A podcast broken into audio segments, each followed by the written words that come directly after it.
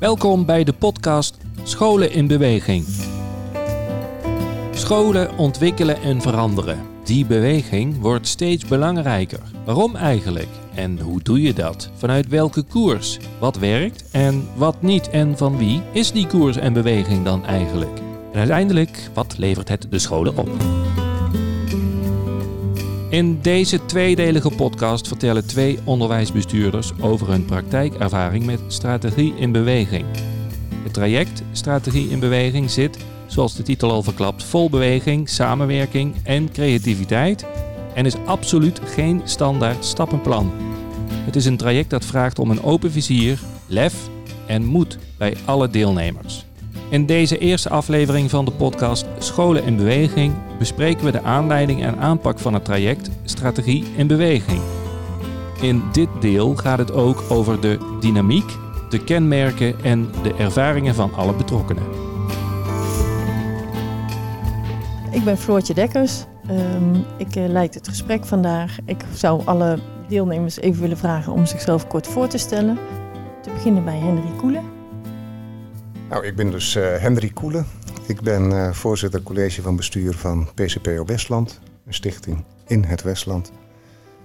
We hebben 17 uh, locaties, waaronder ook een aantal twee SBO-scholen. ja, ik geloof inmiddels ruim 4000 leerlingen. We zijn groeiende. En 450, 460 medewerkers. Ik ben Jeanette Rij. Ik ben bestuurder van uh, Morgenwijzer. Een uh, organisatie voor primair onderwijs in Al van de Rijn en omstreken. 23, 23 scholen en uh, 4400 leerlingen. En zowel dorp als stad. Ik ben Marije Boot van Boost bij Boot. Ik werk al een jaar of twintig in het onderwijsadvies. En ik ben zeer blij met deze podcast om over dit onderwerp, waar ik ook heel trots op ben, samen met mijn collega Teus van Soest uh, te kunnen delen. Ja, ik ben Teus van Soest van Connecto. Um, al zo'n 13, 14 jaar bezig met uh, connecten, verbinden. Dus ik noem mijzelf ook een uh, verbindingskundige.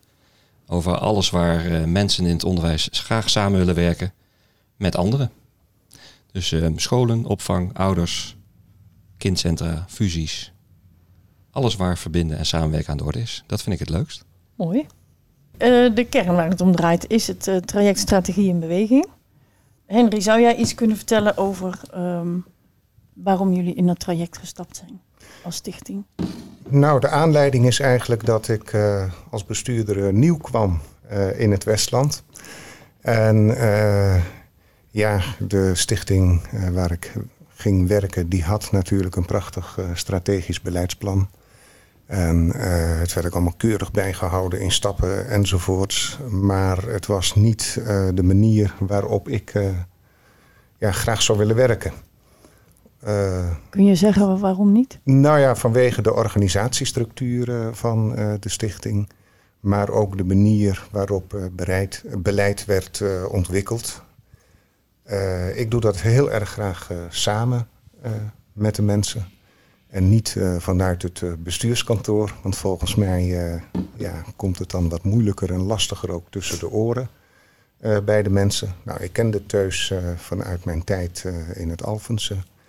En zelf ben ik altijd heel erg sterk van het Rijnlands werken en het op een Rijnlandse manier met elkaar aan de slag gaan. Dat betekent dus dat je ja, de mensen, de medewerkers heel erg betrekt bij ontwikkelingen. En uh, ja, dat is de reden geweest om uh, Teus uh, een keer uit te nodigen. Of misschien heeft hij zichzelf uitgenodigd. Dat weet ik, dat, dat weet ik eigenlijk niet meer. Maar um, de werkwijze die ik had gezien, ik dacht van nou, er liggen gewoon hele mooie kansen. En de manier waarop dat ingevuld is, ja, dat is gewoon een heel mooi traject geworden. En wat bedoel je dan, de manier waarop het ingevuld is? Nou, de manier waarop de de co-creatiesessies, zoals uh, en Marije dat uh, zo mooi noemen, uh, zijn vormgegeven. Hè, waarbij niet alleen de medewerkers, maar ook alle partners waar we mee samenwerken. Dus de kinderopvang, het voortgezet onderwijs, de gemeente, nou, noem maar op. Alle organisaties binnen het sociale domein, die zijn erbij betrokken. In het begin heb ik me heel bewust uh, wat afwezig gehouden en ben niet gelijk uh, mee gaan doen, omdat ik ook echt graag het geluid wilde horen uh, van, nou ja, en de opbrengsten, ja, die wilde ik vrijlaten. Want ik weet gewoon als ik als bestuurder het ga inleiden en ik ga wat zeggen, ja, gaan mensen dat ook vinden of ja, dat, zo werkt dat nou één keer. Dat zal bij jou denk ik niet anders zijn, uh, Jeannette. En wat heel mooi was, is dat ook kinderen erbij werden betrokken. En ouders? Ja, natuurlijk. Ja. Ouders ook. Ja, ja, Jeannette, hoe was dat bij jullie? Dankjewel, Henry. Um, ik zal eerst met de aanleiding, want het laatste, mm -hmm. uh, ik kan met het laatste beginnen. Maar ik denk dat de aanleiding uh, ook wel goed is om uh, eerst voor ogen te hebben. Um, voordat Morgenwijzer ontstond, waren het uh, twee uh, organisaties, één voor katholiek onderwijs en één voor openbaar onderwijs, die door, door een fusie Morgenwijzer zijn geworden. En dan begin je eigenlijk opnieuw als organisatie. Je, je, begint niet echt opnieuw, want je hebt allemaal je geschiedenis en je verleden neem je mee. Maar er is geen Morgenwijzer, er is geen strategie, er is geen koers, er is alleen een gedachte dat je het samen in een nieuwe organisatie anders kunt doen. En vooral anders kunt doen voor kinderen. Uh, dat is één. Het andere is dat je dan ook zit met twee organisaties die elkaar eigenlijk niet kennen. En wel één organisatie moeten zijn. Mensen weten niet wie wie is, hebben ook beelden. Hebben allerlei uh, mooie beelden over uh, wat die ander wel niet is en wat die kan en wat hij niet kan. En als je daar niet actief mee gaat werken, dan blijven die beelden natuurlijk ook bestaan. Dus wij zochten naar een vorm waarin uh, een, een, traject meehielp in het samensmelten. Het meer kunnen elkaar leren kennen, beelden krijgen over elkaar die wat gecorrigeerd zijn of wat beter, meer kloppen. beter kloppen. Maar ook zorgen dat er een, strategie en, en koers komt. Want op een gegeven moment ben je een soort stuurloos. Je weet alle in je hoofd wel wat je wil, maar dat is natuurlijk niet gemeenschappelijk. Dus we hebben inderdaad, uh, Teus hadden we ook ervaring mee in andere trajecten. En vanuit uh, die, jij bracht Marije mee. Vanuit die invalshoek zijn we aan tafel gaan zitten van nou, hoe zou dat uit moeten zien. Het mag niet statisch, iedereen moet erbij betrokken zijn. Wat jij ook al zegt, de buitenwereld, kinderen, ouders, iedereen, hè, van GMR ook tot RVT en het VO en uh, de jeugdzorg. En hoe zorgen we er nou voor dat het zo naar voren komt, dat het ook uit mensen zelf komt, in plaats van dat wij iets bedenken wat keurig in die laag gaat en wanneer knikt en breut schudt en zegt, nou dat is leuk, hebben we ook weer gehad. Uh, wanneer komt de volgende bestuurder, gaan we het nog een keertje doen, hè Henry? ja. En um, nou, vooral dat onderaf, omdat dat ook de mogelijkheid geeft dat mensen elkaar uh, uh, die, die beelden van de oude organisaties los gingen laten. Nou, en dat is inderdaad zo gebeurd, doordat je allerlei sessies hebt waar iedereen kan komen. Mm -hmm. uh, ook mooi dat het facultatief is, want uh, dat betekent ook dat mensen echt moeten kiezen: ik wil. En niet van ja, ik moet. Ja. En heb je dan vaak dezelfde mensen die willen? Er is een kern die hetzelfde is, die lopen ook voorop. Hè. Dat zijn de mensen die echt willen en enthousiast zijn en ook zoiets hebben van: nou, dat gaan we even doen. En er zijn mensen die eigenlijk misschien ook wel nooit geweest zijn, omdat ze uh, vinden dat het niet voor hun is, of voor hen is, of voor, voor anderen is. Maar over het algemeen is denk ik, uh, heb ik je uitgerekend, hoeveel was het nou? Tussen de 200 en 300 mensen. Ja, en dan kom je toch op de helft van de organisatie die wel een keer geweest is. Oké, okay, want het verloopt in verschillende fasen, hè? Ja. heb je ook uh, bewust bij verschillende fasen bepaalde mensen dus aan tafel gehad? Nou, mensen kregen wel uh, te horen van uh, wat, wat, voor soort mens, wat, wat is handig. Het is niet verboden, maar wat is handig? Als je uh, allerlei ideeën wil genereren, is het handig als iemand creatief is. Als je wat meer wil weten wat de voorwaarden zijn, is het toch wel handig als iemand wat meer in, in hokjes kan denken. Er werd iets anders gezegd natuurlijk. Mm -hmm. Je zoekt wel naar uh, waar, waar ligt de kracht van mensen. Maar er zijn ook mensen die zeggen, dag, ik kom toch. Ja, ja, ja prima. ja. ja. Uh, Marije en Teus, zouden jullie um, uh, iets meer kunnen vertellen over wat nou kenmerkend was voor de opzet van de trajecten? Ook al waren ze misschien wat verschillend. Nou, we hebben natuurlijk ook met uh, deze vraag, wat, die heel open was, uh, zijn wij gewoon echt gaan ontwerpen. Van als dit de vraag is, hoe doen we zoveel mogelijk recht aan bewegen? Aan uh, iedereen zijn stem kunnen laten horen. Maar ook gericht mensen gaan vragen, inderdaad, zoals je net ook zei, op hun kwaliteiten. Dus we hebben het in een aantal fasen ingedeeld. Dus beide trajecten hebben een vast ritme, zoals we dat noemen. Maar de, ja, wat, wat in de sessies gebeurt, is voor ons ook volledig onvoorspelbaar. Uh, dus we hebben het steeds te doen met wat er ontstaat. En dat pakken we weer op naar een volgend level. En ja, we hebben dat eigenlijk in vier fases gedaan, waarbij we ja, de eerste een beetje ook, ja, we hebben het mooie namen gegeven, Teus. De, op zoek naar de magie. Ehm, daar hebben we echt gewerkt met, met mensen met, met uh, ja, liefdesbrieven, met uh, um, identiteiten maken voor, voor, de, voor de organisatie. Um, wat hebben we nog meer? hoe heet die? Betekenis geven aan ideeën. Ja, ja, dat is de tweede fase inderdaad. Waarin we dus, ja, als je eenmaal een beeld hebt, weer door zijn gaan werken. Van, en wat betekent dat dan? moet het wat concreter worden?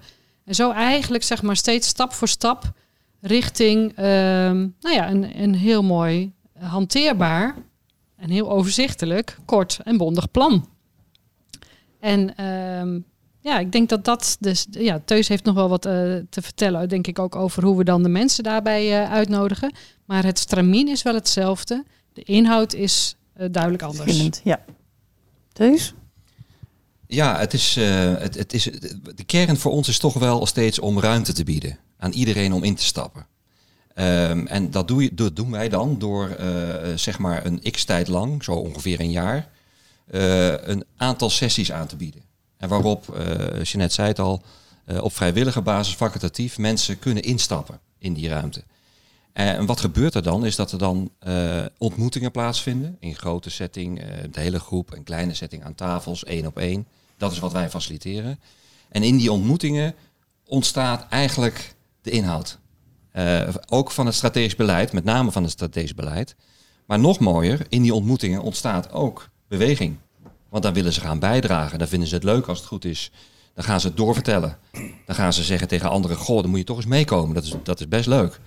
Dus dan ontstaat er toch een beetje beweging in mensen. Eerst in het klein, later wat groter. Um, en uiteindelijk, uh, ja, we zeiden het net al, zo tussen de 200 en 300 unieke mensen die dan deelnemen in zo'n heel traject.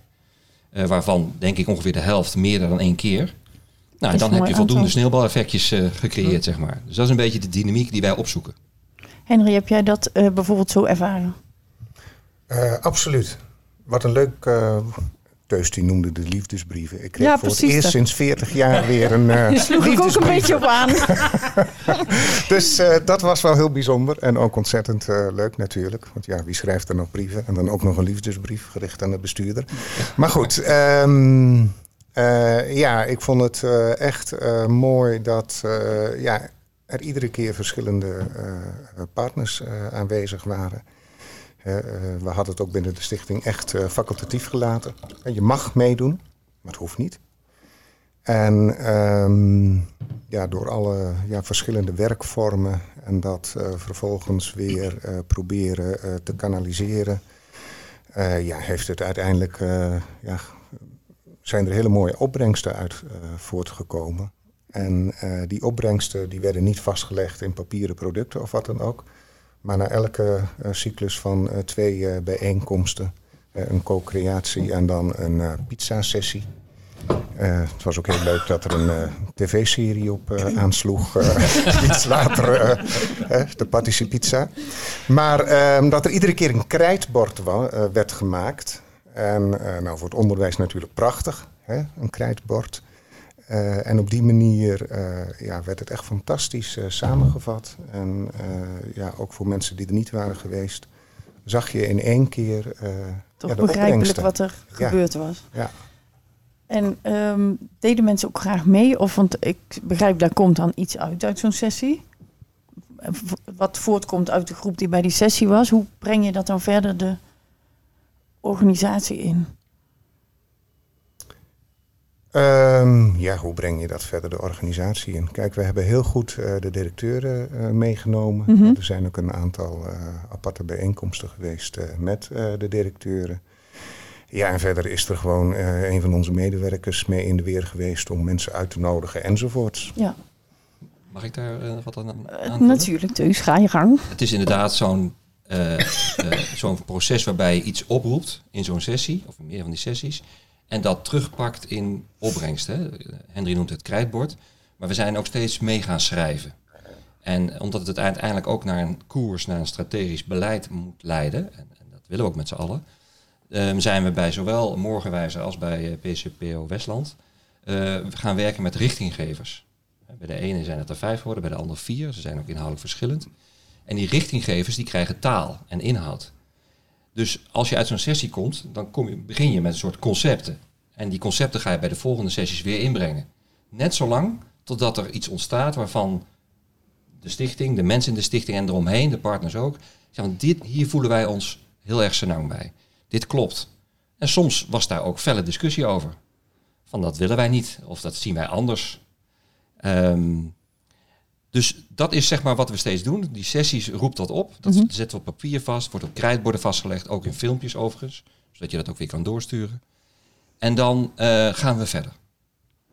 Jeannette, kan, ja, kan Ja. jij daar misschien op inhaken? Omdat jij ook twee...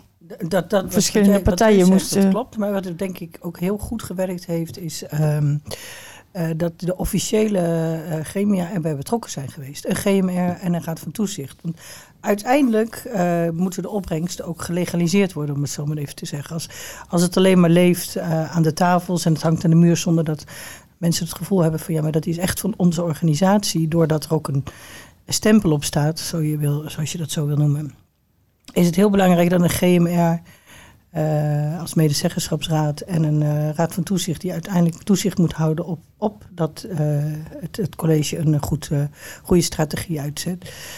Heel belangrijk geweest dat ze en aanwezig konden zijn, maar ook dat we officiële terugrapportages hadden naar die twee.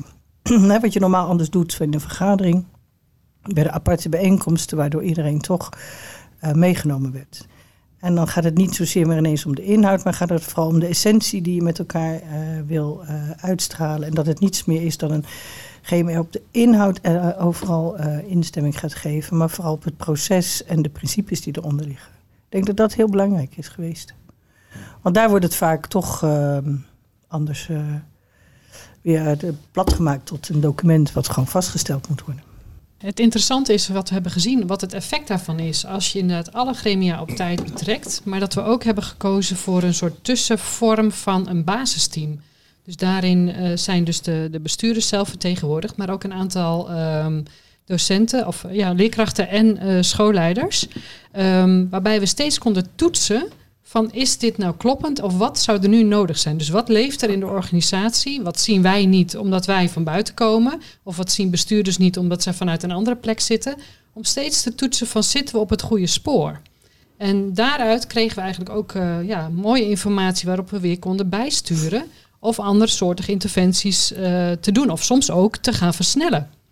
Of waar nodig even te vertragen. Zodat we echt, een, een, een, eh, ja, echt konden voelen van waar, wat is hier nu nodig. Dus en ook al was het, ja, het programma zeg maar in een ritme. We konden daardoor wel precies kijken. eh, ja, hoe zorgen we ervoor dat iedereen erbij blijft. En dat ook eh, ja, het, de inhoud aansluit bij wat, eh, wat mensen, ja, wat er leeft in de, in de organisaties. Ja, het idee is dat er zeg maar ruimte wordt geschapen voor beweging. Ehm, kunnen jullie, begin ik even bij Henry weer, misschien een voorbeeld geven van als er ruimte ontstond, hoe die eh, als het ware is ingevuld? Wat is er gaan bewegen? Nou, er Kun is heel wat eh, gaan bewegen, eh, denk ik. Het mooie, tenminste bij onze, bij onze stichting, is dat ja, de directeuren die hebben op basis van het koersplan wat er nu ligt, zijn ze aan de slag om het in te vullen richting een schoolplan. En ehm, nou ja, ik eh, zie binnen mijn eh, organisatie dat, eh, ja, verschillende, dat er verschillen in zitten tussen die scholen.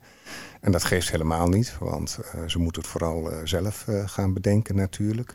Maar ze haken wel aan bij de vier richtinggevers. Wat verder ook heel mooi is, we hebben een stuk of zeven, acht, negen, ik weet het niet eens precies, leernetwerken binnen de organisatie. Dus voor gedrag, voor taal, rekenen, IB'ers, eh ja, media inzet en noem maar op.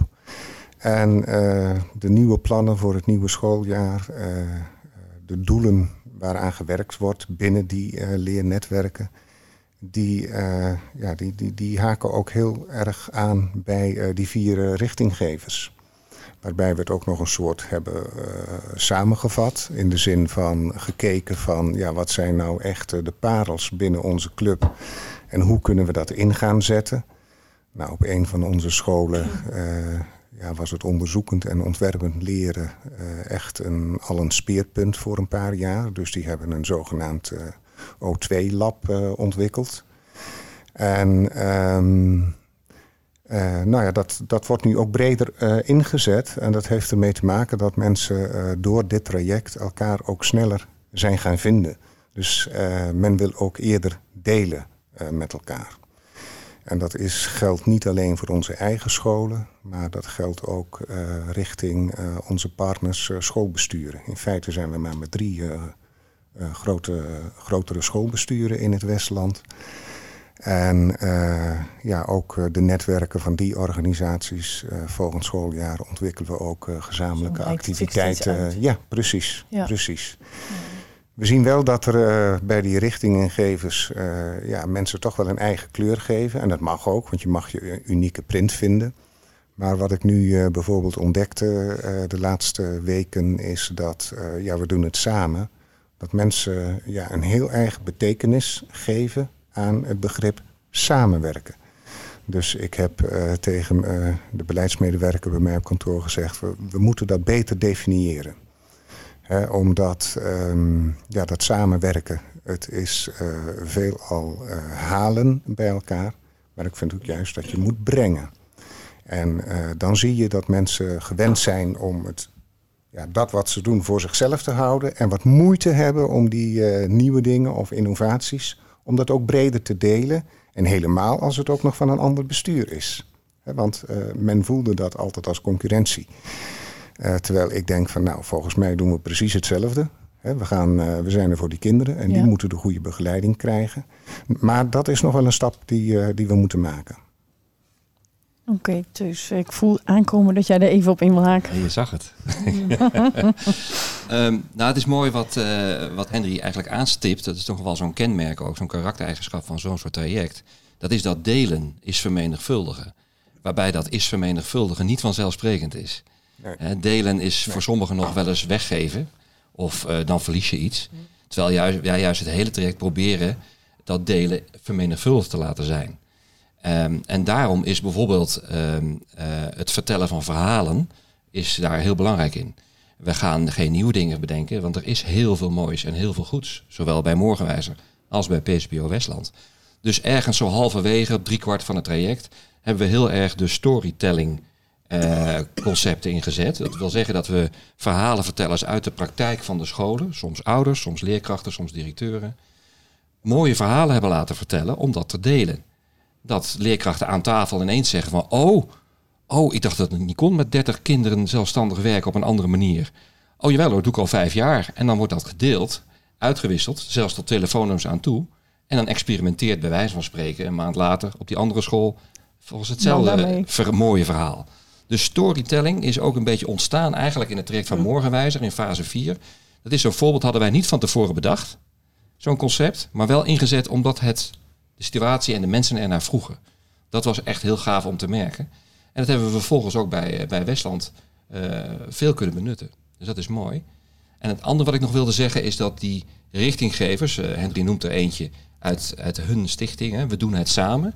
Dat is er nou typisch één wat misschien wel voor meer stichtingen of voor meer organisaties zelfs zou kunnen gelden.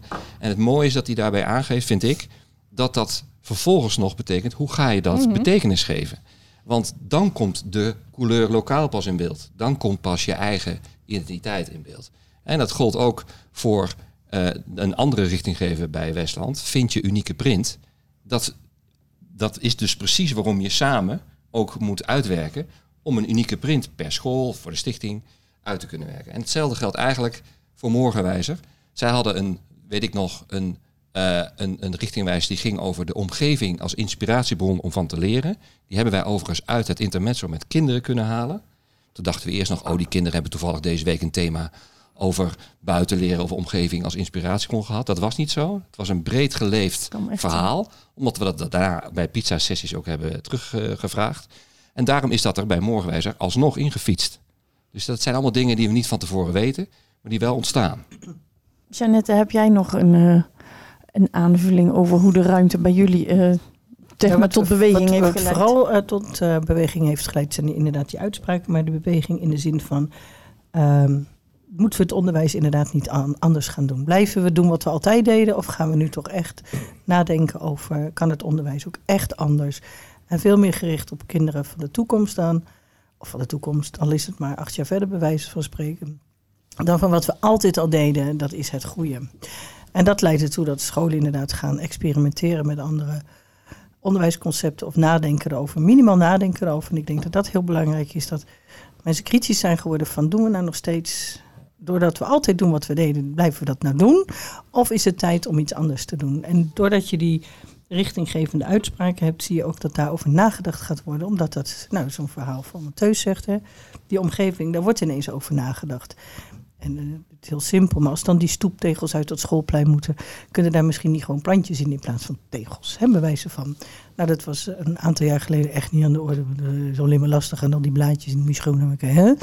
En nu is het ineens van, oh ja, maar dat is wel heel belangrijk. Dus we zien ineens allemaal schoolpleinen ontstaan die anders zijn dan anders. En dat heeft ook zo'n soort uh, uitrollende werking waar Henry net ook al uh, Ja. over had. Ja. ja. Mooi. En hele discussies over, eh, nou met name rond passend onderwijs. Hoe welkom zijn die kinderen nou op dit moment? En het lastige is ook dat mensen vaak zoeken naar, ehm, dit is wat we willen, maar we zijn nog niet zo ver. En dat is nog wel een traject eh, wat ze echt moeten doen.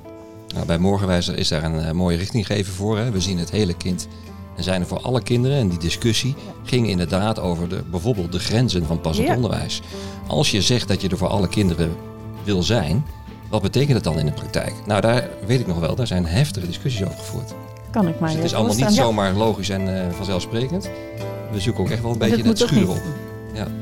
Het moet ook niet leiden tot grenzeloos gedrag. Nee. Want het is, het is niet daarom als alle kinderen is grenzeloos. Nee, alleen hoe gaan we er goed mee om? En dat zoeken. Dit was deel 1 van de tweedelige podcastserie Scholen in Beweging. In de omschrijving bij deze podcast vind je meer informatie over Marije Boot van Boost by Boot en Teus van Zoest van Connecto. Vond je deze podcast interessant en wil je meer weten over het traject Strategie in Beweging? Luister dan ook zeker deel 2 van de podcast Scholen in Beweging. Websites en andere links van Boost by Boat of Connecto vind je in de omschrijving bij deze podcast.